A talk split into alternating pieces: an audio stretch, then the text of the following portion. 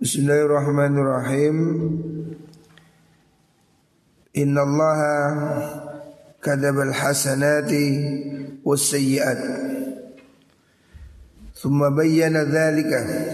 Faman hamma bihasanatin falam ya'malha kadabaha Allah lahu 'indahu hasanatan kamilah.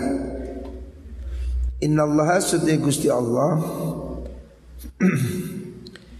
Iku kataba nulis sopo Allah.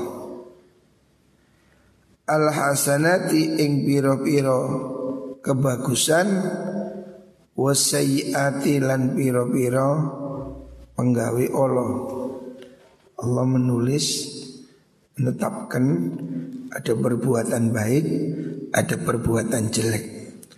Thumma bayyana dzalika kemudian Allah menjelaskan dari dua hal itu Thumma bayyana nuli martelakan subhanallah. Zalika yang mengkuno hasanat wa sayyiat. Faman hamma bihasanatin. Faman mongko desapani wong iku hamma.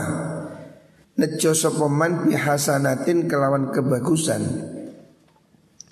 Falam ya'mal nuli orang lakoni sopaman ha ing hasanah Kata mongko nulis dan Allah Gusti Allah Indau ing dalam ngersani Allah Hasanatan ing kebagusan Kamilatan kang sempurna.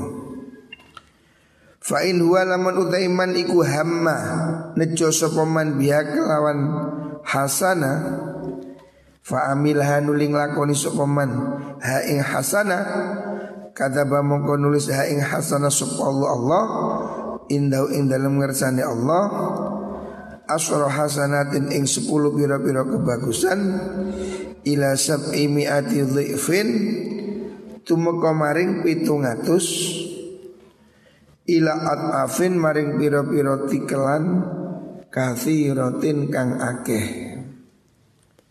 Ini hadis Rasulullah Shallallahu Alaihi Wasallam menjelaskan tentang betapa besar anugerah Allah kepada kita ya. Allah memberi anugerah yang luar biasa kepada manusia ini. Ketika dia berniat ya, hama bermaksud melakukan kebaikan Meskipun belum dilakukan Masih niat tok Pagi ini kamu sudah ada hati kerentek Saya hari ini mau berbuat baik. Saya hari ini mau menolong orang lain. Saya hari ini tidak ingin menyakiti siapa pun. Siapa orang mempunyai tujuan baik Walaupun belum dilaksanakan itu oleh Allah sudah diberi satu pahala. Ya. Enaknya begini, niat baik ini, niat tok ya, masih punya keinginan, belum dilakukan sudah dapat pahala. Ya. Kalau diamalkan, dia niat sodakoh, betul-betul sodakoh.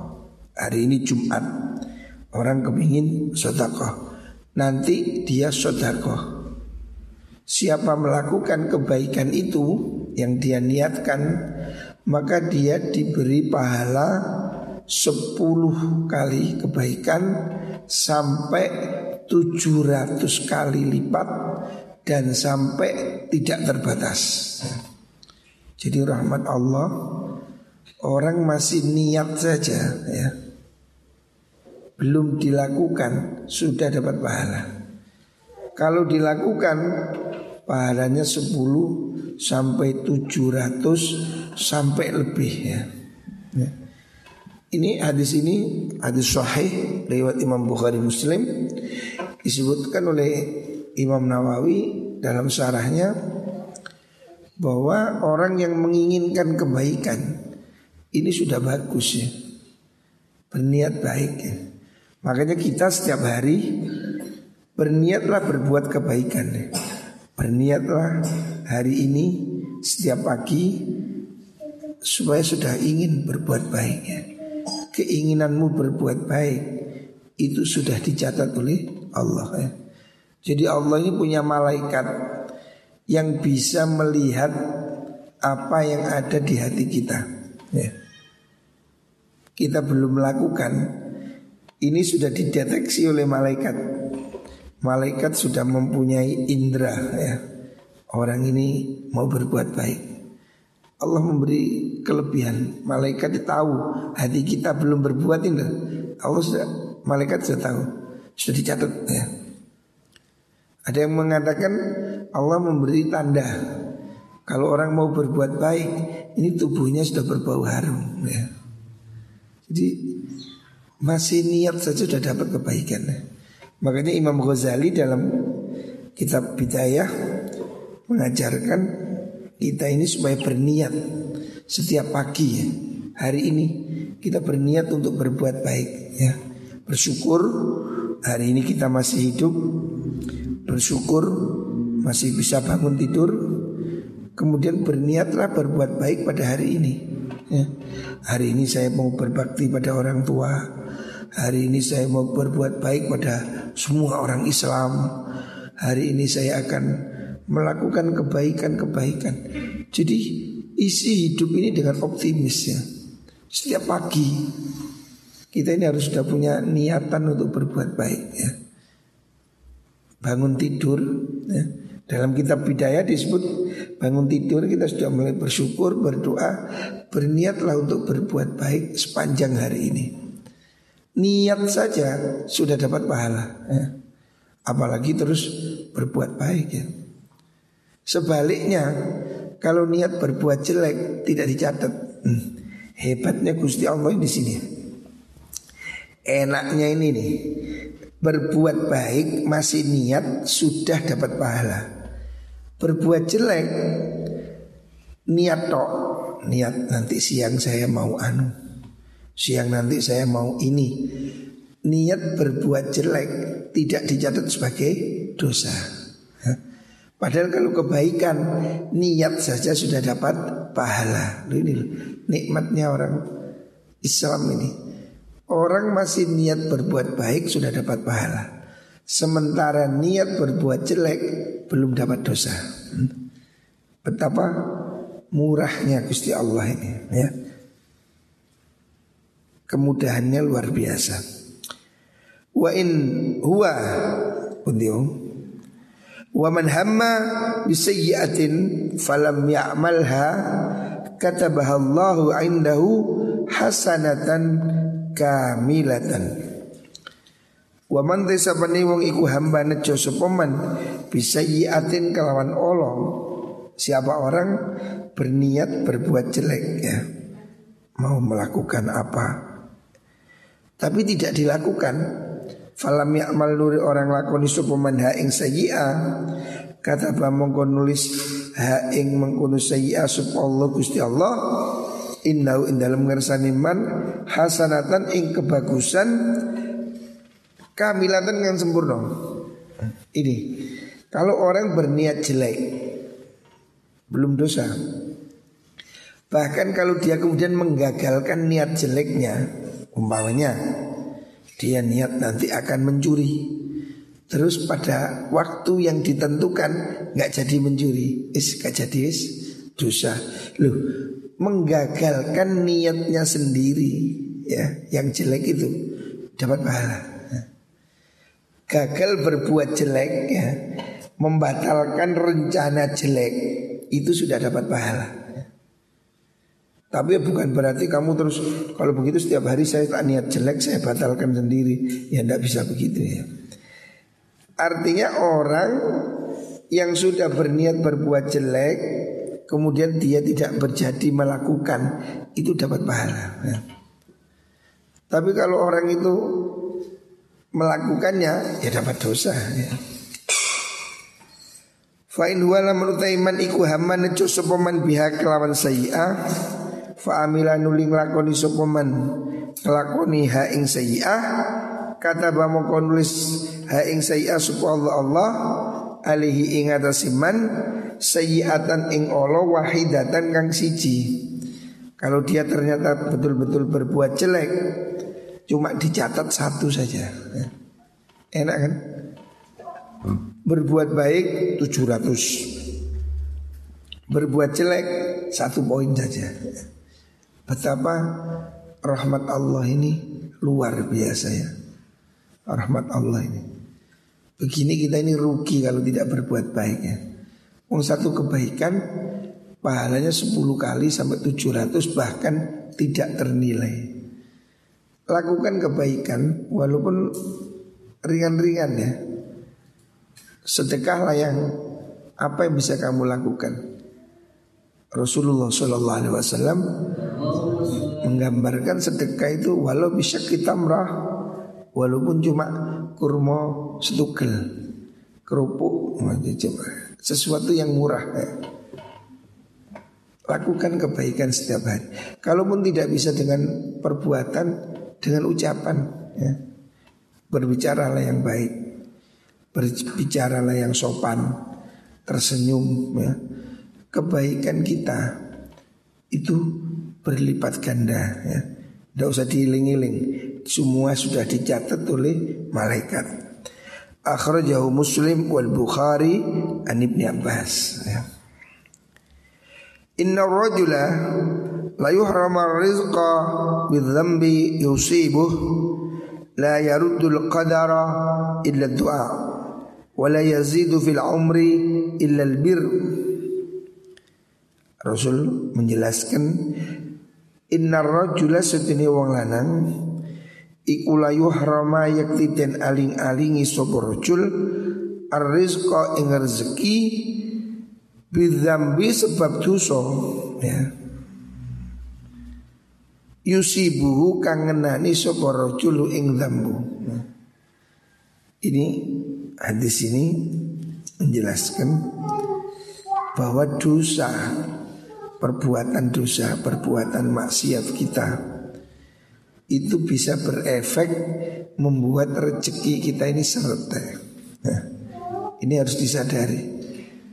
Artinya kalau terjadi rezeki kita ini susah Kalau kamu bekerja kok rezekinya nggak lancar ya.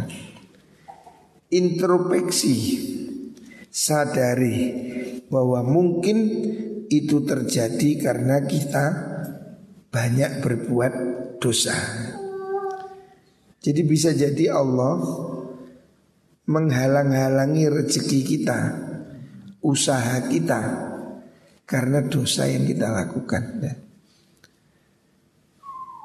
Orang berbuat dosa ini balasannya memang di akhirat ya. Akhirat itu darul jaza. Pembalasan di akhirat. Tetapi di dunia ini terkadang sudah diberikan persekot oleh Gusti Allah. Sebagai peringatannya. Apabila seseorang itu berpaling dari Allah ya, dan dia sibuk mengurusi hal yang membuat dia lupa dari Allah, yang membuat dia tidak bersyukur pada Allah, maka Allah mengingatkan dia. Cara Allah memanggil dia supaya mendekat kepada Allah dengan apa? Dengan musibah. Termasuk dengan ekonomi yang menjadi sulit itu. Ya termasuk hari ini corona ini COVID-19 Sesuatu yang membuat kita susah Itu adalah cara Allah memanggil ya. Di sini Nabi mengatakan Orang karena dosanya Itu rezekinya dikurangi oleh Allah. Ya. Supaya apa? Supaya dia itu kemudian sadar. Iya ya. Nyambut kayak kok repot Apa? Introspeksi. Oh saya berbuat dosa. Gitu. Ini Allah memberi alarm ya. Rahmat Allah supaya kita ini bisa Mengendalikan diri Kalau tidak begini bahaya Kita ini tambah nakal Tambah nakal Ini seperti orang-orang yang tidak beriman oleh Allah diberi kenikmatan lebih rezekinya lancar semuanya enak sampai dia tidak beriman dan kelak siksanya semakin berat. Orang-orang mukmin oleh Allah diberi alarm peringatan dini. Ya. Biasanya kalau dia berbuat salah, oleh Allah diberi peringatan. Dahsyat masalahnya. Makanya kalau hidup ini ada masalah ya, Kalau kamu menemukan dalam hidup ini ada problem Kok tiba-tiba rezeki sangat Kok usaha macet Kok anak istri ada masalah Tetangga ada masalah Apa pun seribu satu problema hidup kita Semuanya adalah skenario nya Gusti Allah ya.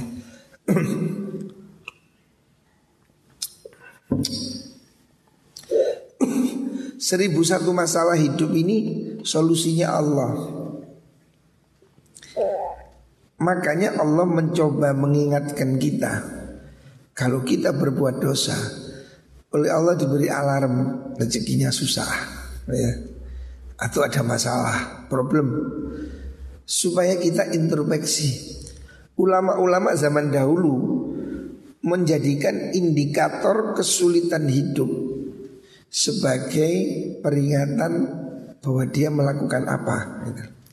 Sehingga kalau mereka itu mendapatkan bencana sekecil apa pun, sandali pedot, kesandung, kepreset, itu dikembalikan pada dirinya, bukan nyalahkan orang. Oh, ini mamanya tibo kepreset yang disalahkan bukan Pak Jokowi Gimana ini presiden Wah, Kejauhan Kalau kamu kena masalah Apakah itu kamu jatuh Apa itu kamu kesandung Apa itu kamu digodain orang ya.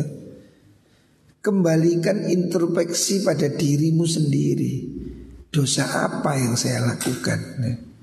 Dosa apa yang saya perbuat sehingga saya diperingatkan oleh Gusti Allah. Kalau kita bisa memahami itu, maka musibah itu malah kebaikan bagi kita.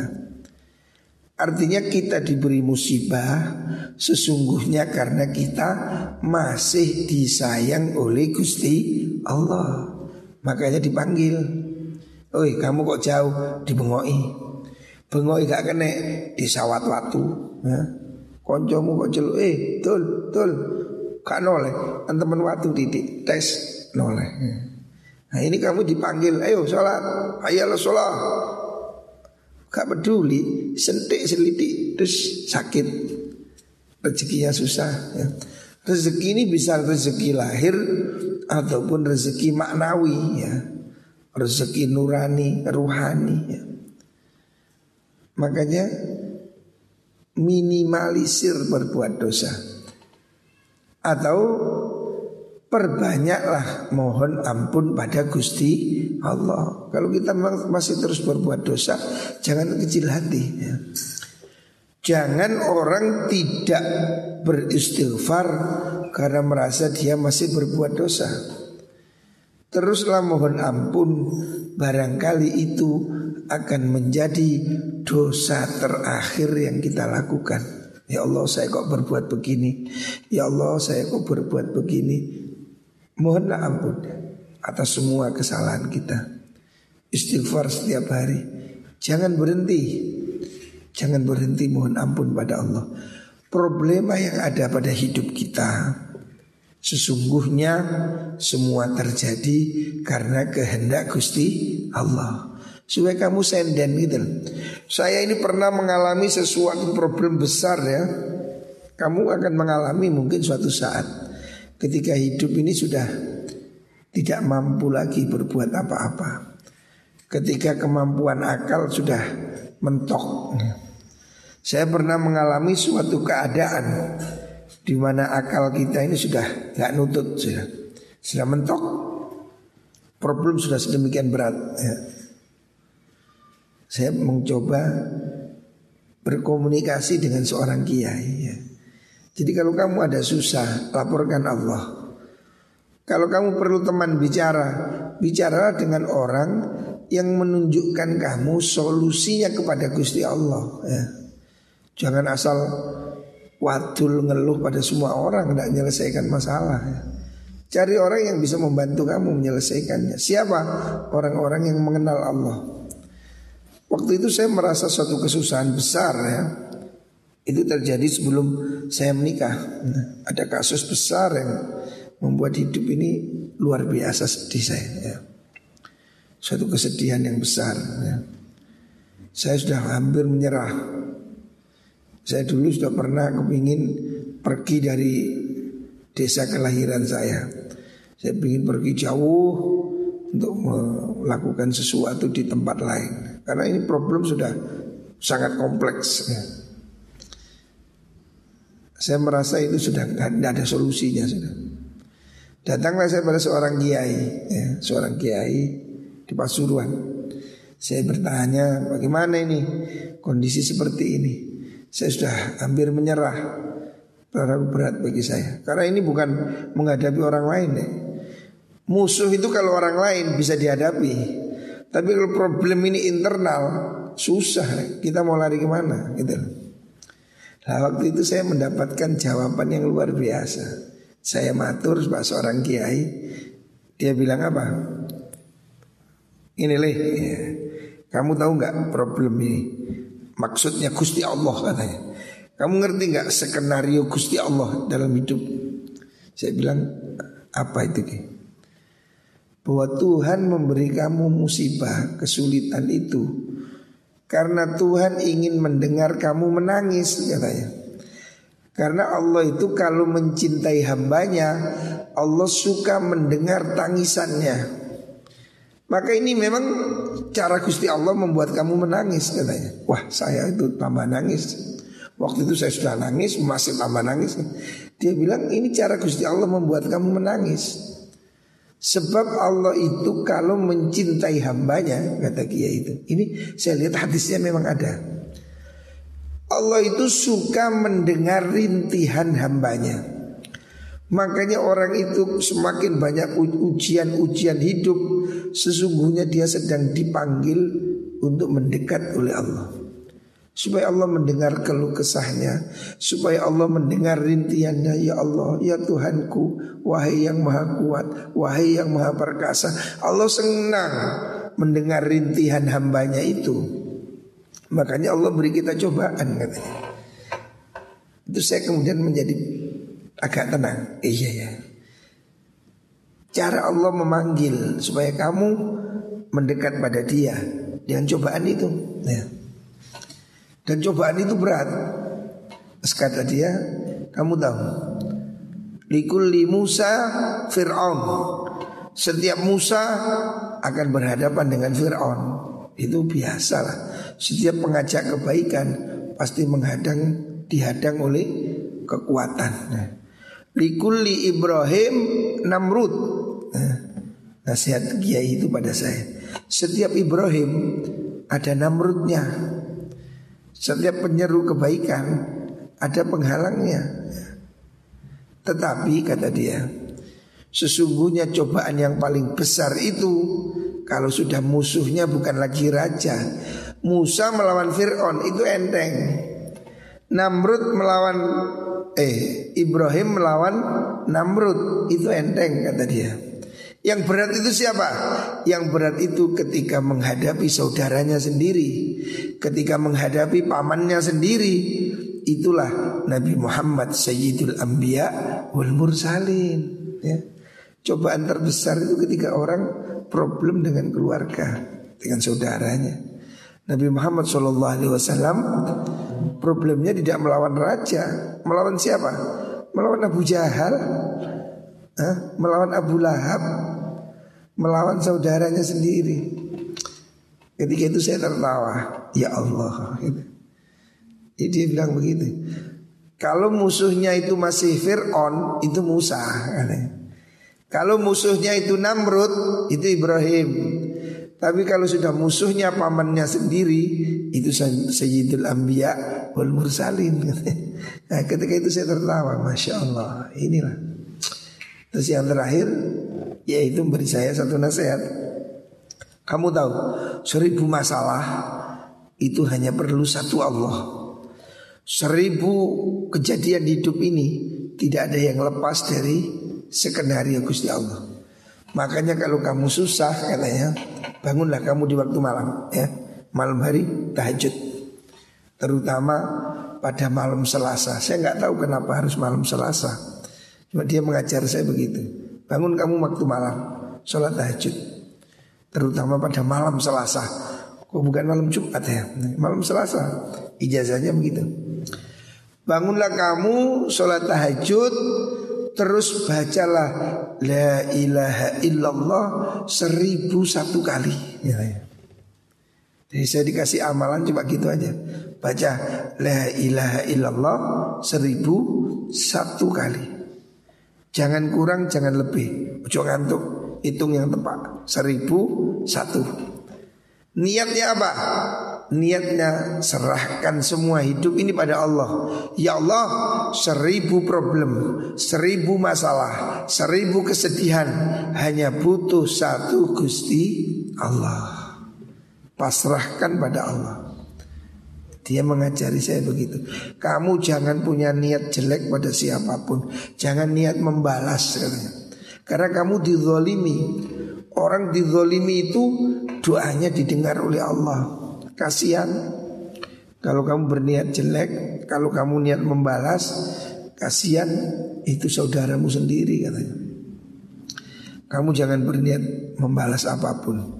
Serahkan pada Allah. Semua problem ini skenario Gusti Allah. Ya sudah, pulang saya. Pasrah sudah total.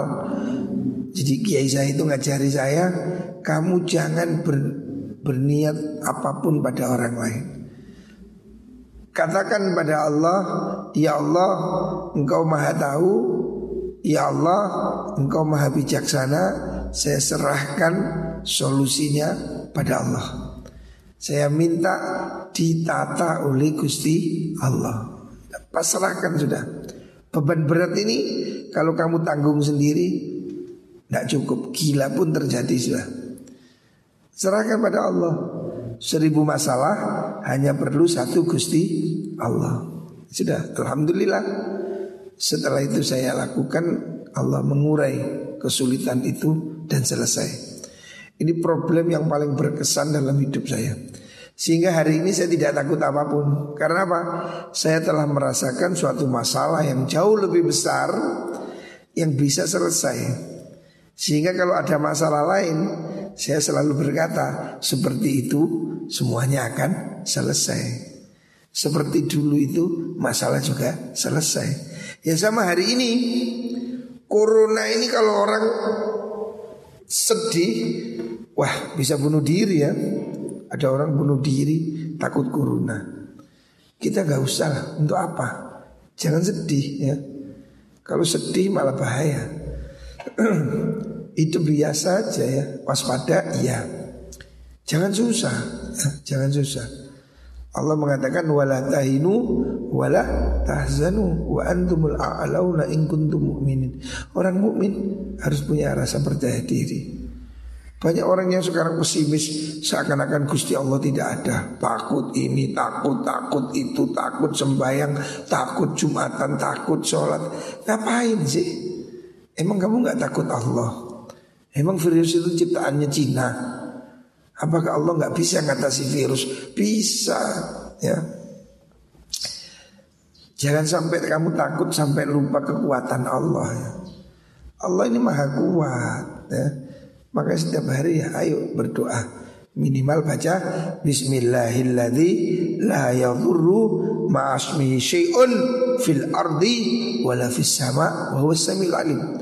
Kata Rasulullah Sallallahu Alaihi Wasallam, siapa orang baca Bismillahirrahmanirrahim tiga kali setiap pagi, Allah lindungi dia sampai sore.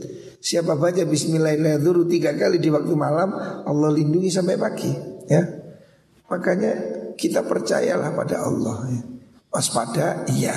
Jaga kesehatan, iya. Tapi jangan lupa ada kekuatan Gusti Allah. Ya, makanya doa jangan lupa ya. Minimal baca Bismillahilladzi la yadhurru ma'asmi syai'un fil ardi wala fis sama wa huwa Dulu ada sahabat diracun sama pembantunya. Enggak mempan. Diracun enggak apa-apa. Sampai yang racun ini ketakutan. Dia tanya, Kenapa Tuhan kok bisa hebat? Loh, apanya yang hebat? Bapak ini saya racun kok gak mati-mati? Yang racun sampai takut. Loh masa iya? Dia bilang saya setiap hari baca Bismillahilladzi la yadurru ma'asmi syai'un fil ardi wala fis sama wa huwa samiul alim. Siapa orang baca doa ini pagi sore tiga kali tiga kali Insya Allah tidak ada bahaya dalam hidupnya. Percayalah pada Allah Supaya kita ini kuat ya. Kalau Allah yang melindungi kita Tidak ada yang bisa menghancurkan kita. Jangan jadi penakut Jangan jadi cengeng ya. Hidup ini diatur oleh Gusti Allah. Mintalah ya. La yaruddul qadara illa du'a. La yaruddu orang bisa nolak al qadara ing kepastian illa du'a angin doa ya. Tidak ada yang bisa menolak qadar takdir kecuali doa. Jadi takdir ini ada yang disebut dengan apa? Mu'allak, ada yang mubrom ya. Takdir itu ada yang masih digantungkan oleh Allah. Sehingga kalau kita berdoa dihilangkan oleh Allah. Makanya rajinlah berdoa. Yang bisa mencegah itu hanya doa itu. Senjata yang bisa memainkan hari ini hanya doa. Menteri Kesehatan Pak Terawan juga bilang begitu. Corona ini hanya bisa dihentikan oleh tiga hal katanya. Ini Pak Terawan yang bilang. Pak Terawan ini dokter, dokter hebat. Pak Terawan bilang Corona ini bisa dihilangkan oleh tiga hal. Apa itu? Yang pertama doa katanya. Dokter pun percaya yang bisa menghilangkan adalah Gusti Allah. Karena virus ini seperti siluman nek. Dulu ada virus flu babi. Hmm. Flu babi ada dulu gempar ya seperti ini. Saya masih ngalami flu babi, flu burung, flu unta, mana flu unta. Mbok kalau flu kodok Sudah terjadi dalam hidup ini flu burung. Oh ini juga begitu mencekam. Waktu itu saya di Singapura, waduh ketakutan. Ya sama seperti hari ini, pegang gelas, pegang ini harus cuci tangan seperti ayat ini. Tapi ya sudah lewat toh. Flu burung lewat, flu babi lewat, flu onta lewat. Corona ini juga sama. Corona ini jenis flu sebetulnya. Sama.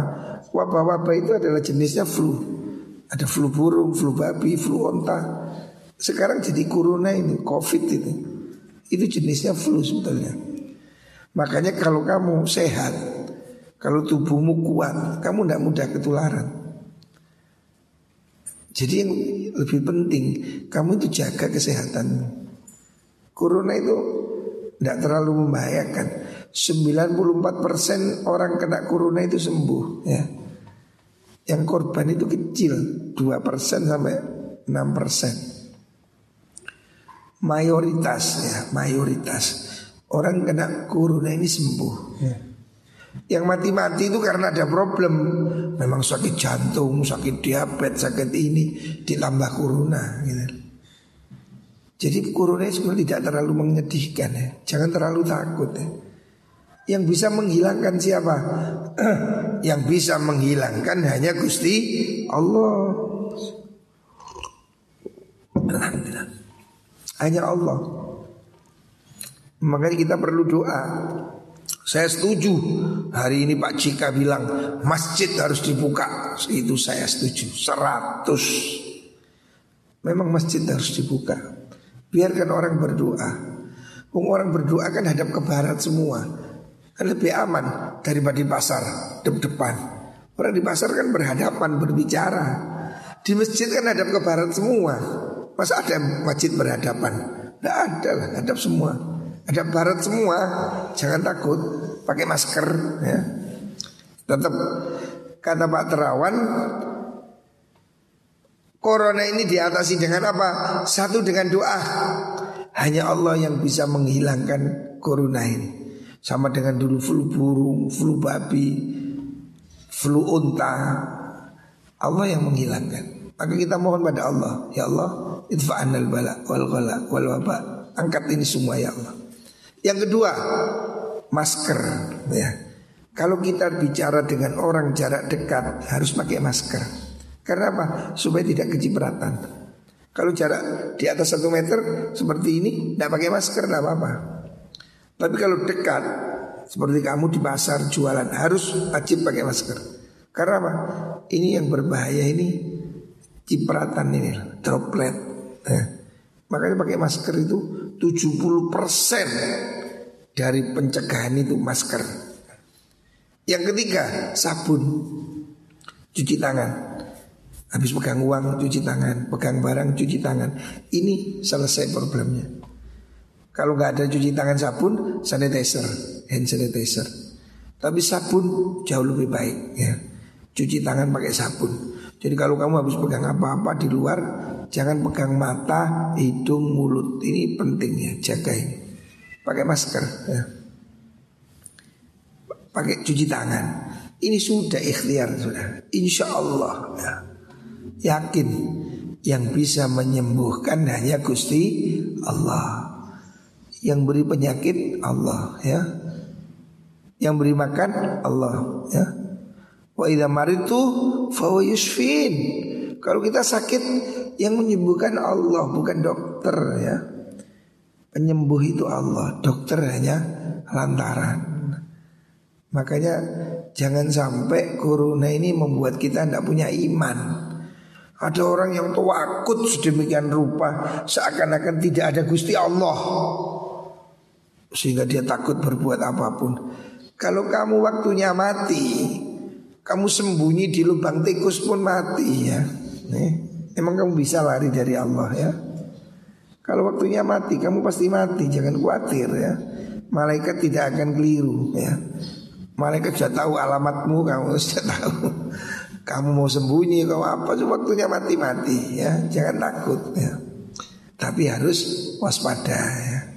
Makanya kita ikhtiar lahir batin berdoa ya jaga kesehatan ya jangan terlalu takut Sebab orang ini kalau takut malah imunnya menurun ya. Kekebalan tubuhnya turun. Makanya pesantren kita, pesantren Anur satu ini akan segera masuk new normal. Siap kemarin datang komandan Korem. Tanya saya gimana gue siap? Siap lah pak, saya punya Allah kok. Ya. Siapa backingnya? Allah, ya. Allah. Kalau kamu percaya Allah nggak ada yang bisa kok corona. Nabi Ibrahim dibakar itu loh nggak panas.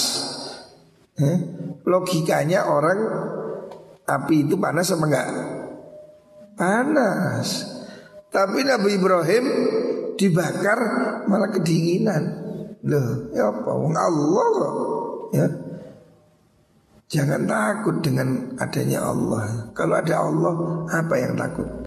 Nabi Ibrahim dibakar tidak tidak kepanasan, malah kedinginan. Nah, corona ini tidak lebih bahaya dari api itu. Nabi Ibrahim dibakar tidak apa-apa. Ya. Kalau kamu percaya Allah, kamu punya kekuatan besar. Ya. Nabi Musa coba bayangkan, Nabi Musa bayi ya, masih bayi loh ya.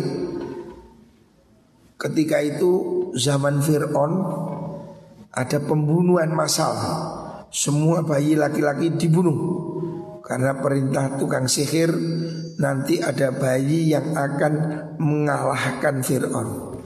Maka perintahnya bunuh semua bayi. Lah itu pada waktu itu Nabi Musa lahir.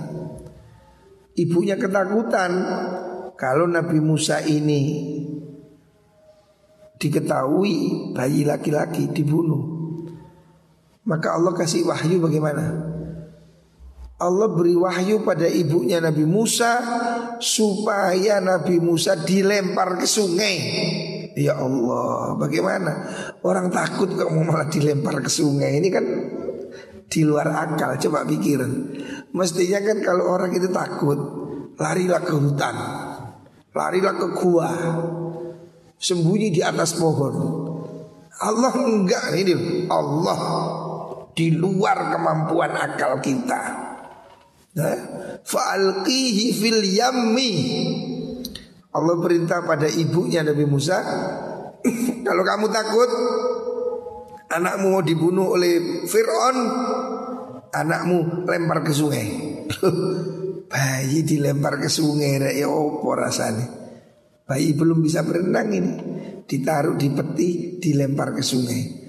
Logika akal waras ini tidak mungkin bayangkan bayi dilempar ke sungai. Bagaimana ini seorang ibu yang menyayangi anaknya, yang mencintai darah dagingnya, disuruh lemparkan anak ke sungai. Ini, aduh, saya nggak bisa bayangkan betapa apa bisa seorang ibu melakukan. Tapi karena dia percaya Allah, dilempar Musa ke sungai, taruh di peti, dikinyutkan ke sungai. Yaltaqitu aduwulli wa aduwullak. Jangan takut. Kalau kamu takut, lemparkan anakmu ke sungai. Masukkan peti, lempar ke sungai. Dia akan diambil oleh musuhmu. Wah, benar. Mengalir di sungai, istrinya Fir'aun sedang mandi. Kok ada peti mengalir, mengapung di sungai, diambil. Isinya bayi. Wah ini bayi ajaib ada di sungai. Dibawa pulang Dirawatlah oleh istrinya Fir'aun. Sehingga dia malah masuk ke istana. Bayangkan Orang lain dibunuh Dia malah dirawat raja. Ini di luar kemampuan akal Lalu kamu pikir cara akal bagaimana seorang bayi tidak bisa bicara, tidak bisa berkata, tidak bisa berenang, dilempar ke sungai. Hah? Apakah dimakan buahnya itu? Lalu kintir terus sampai tang laut Ya apa? Sungai Bayi dilempar ke sungai Coba Uji keimanan Uji nyali ini Hah?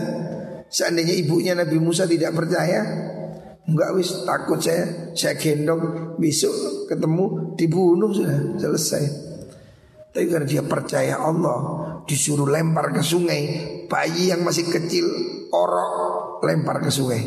Lakukan perintah Allah, lempar ke sungai. Apa yang terjadi? Dia malah diambil oleh Fir'aun. Malah dipelihara oleh Fir'aun. Sampai jadi musuhnya Fir'aun. Ini loh kekuatan Allah ya. Jangan takut. Corona membuat orang nggak sholat, takut jumatan, takut jamaah, masya Allah. Tapi berani ke pasar, repot ini. Moga-moga kita diberi kekuatan Allah lahir batin ya. Semoga Allah segera menghilangkan corona ini dari muka bumi. Kita diberi kesehatan dan kekuatan oleh Allah Subhanahu wa taala.